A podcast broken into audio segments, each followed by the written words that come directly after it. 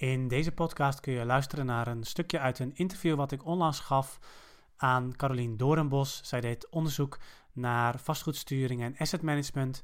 En we hebben het dus gehad over een aantal onderdelen daarvan en eh, wat er allemaal bij komt kijken. En in deze podcast dus een eh, klein stukje uit dat interview.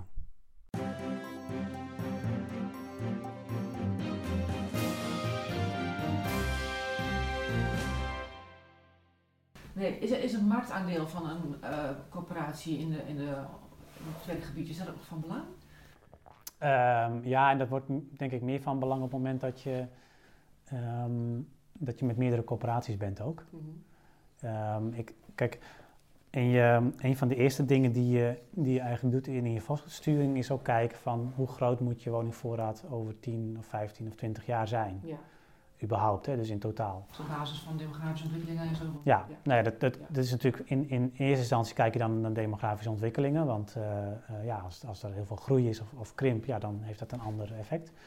Ja. Um, en dan, maar dan moet je volgens ook naar, naar inkomens kijken van, uh, ja, misschien gaan er wel meer mensen kopen of misschien gaan er wel meer mensen huren. Ja.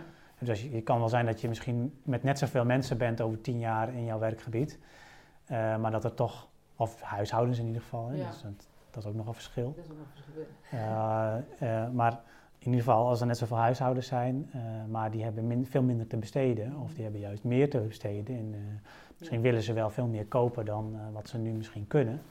Ja. Um, ja, dat betekent ook iets voor de ideale omvang van je eigen portefeuille. Ja.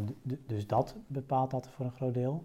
Um, ja, dan, en, en, kijk, je weet wat je marktaandeel nu is. Uh, en voor de toekomst ja, zou je dus op basis van dat soort demografie... Je zou kunnen zeggen, nou, het moet hetzelfde blijven. Ja. Dus als, ik, als de gemeente groeit, dan moeten wij ook groeien. Ja. Uh, maar je kan ook zeggen, ja, die groei, dat zijn allemaal mensen die gaan kopen. Dus dan hoeven wij niet uh, ons woningbezit uit te breiden.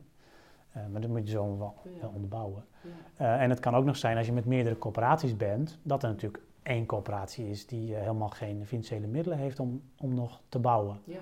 Ja, um, ja, ja. ja, en, dan, en dan zul je dat ook moeten meewegen. Want dat betekent dus dat of een andere coöperatie dat op zich moet nemen, of dat er andere marktpartijen uh, uh, dat, dat moeten gaan doen. Hè. Dus ja.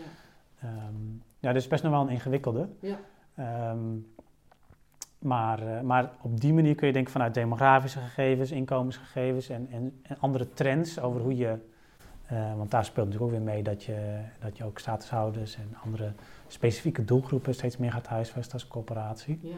En, en, dat je tegelijkertijd misschien ook wel iets kunt en wil doen aan, uh, aan mensen met een wat hoger inkomen die in je voorraad wonen, maar ja. die je daar misschien eigenlijk niet wil hebben. Of, ja, of misschien juist wel, hè? want dat is ook, dat, dat is ook een beleidskeuze.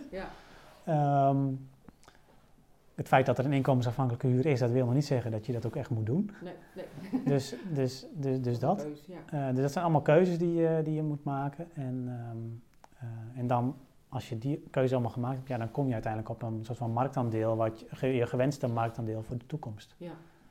ja. En dan, ja, dan weet je dus ook hoeveel, ja. hoeveel woningen je dan, dan in feite wilt gaan hebben over 10, 15, 20 jaar. Bedankt voor het luisteren naar deze podcast. Wil je nieuwe afleveringen ontvangen? Abonneer je dan op deze podcast. En kijk ook eens op onze website corporatiestratege.nl voor meer praktische tips en downloads die jouw werk als corporatiestratege makkelijker maken.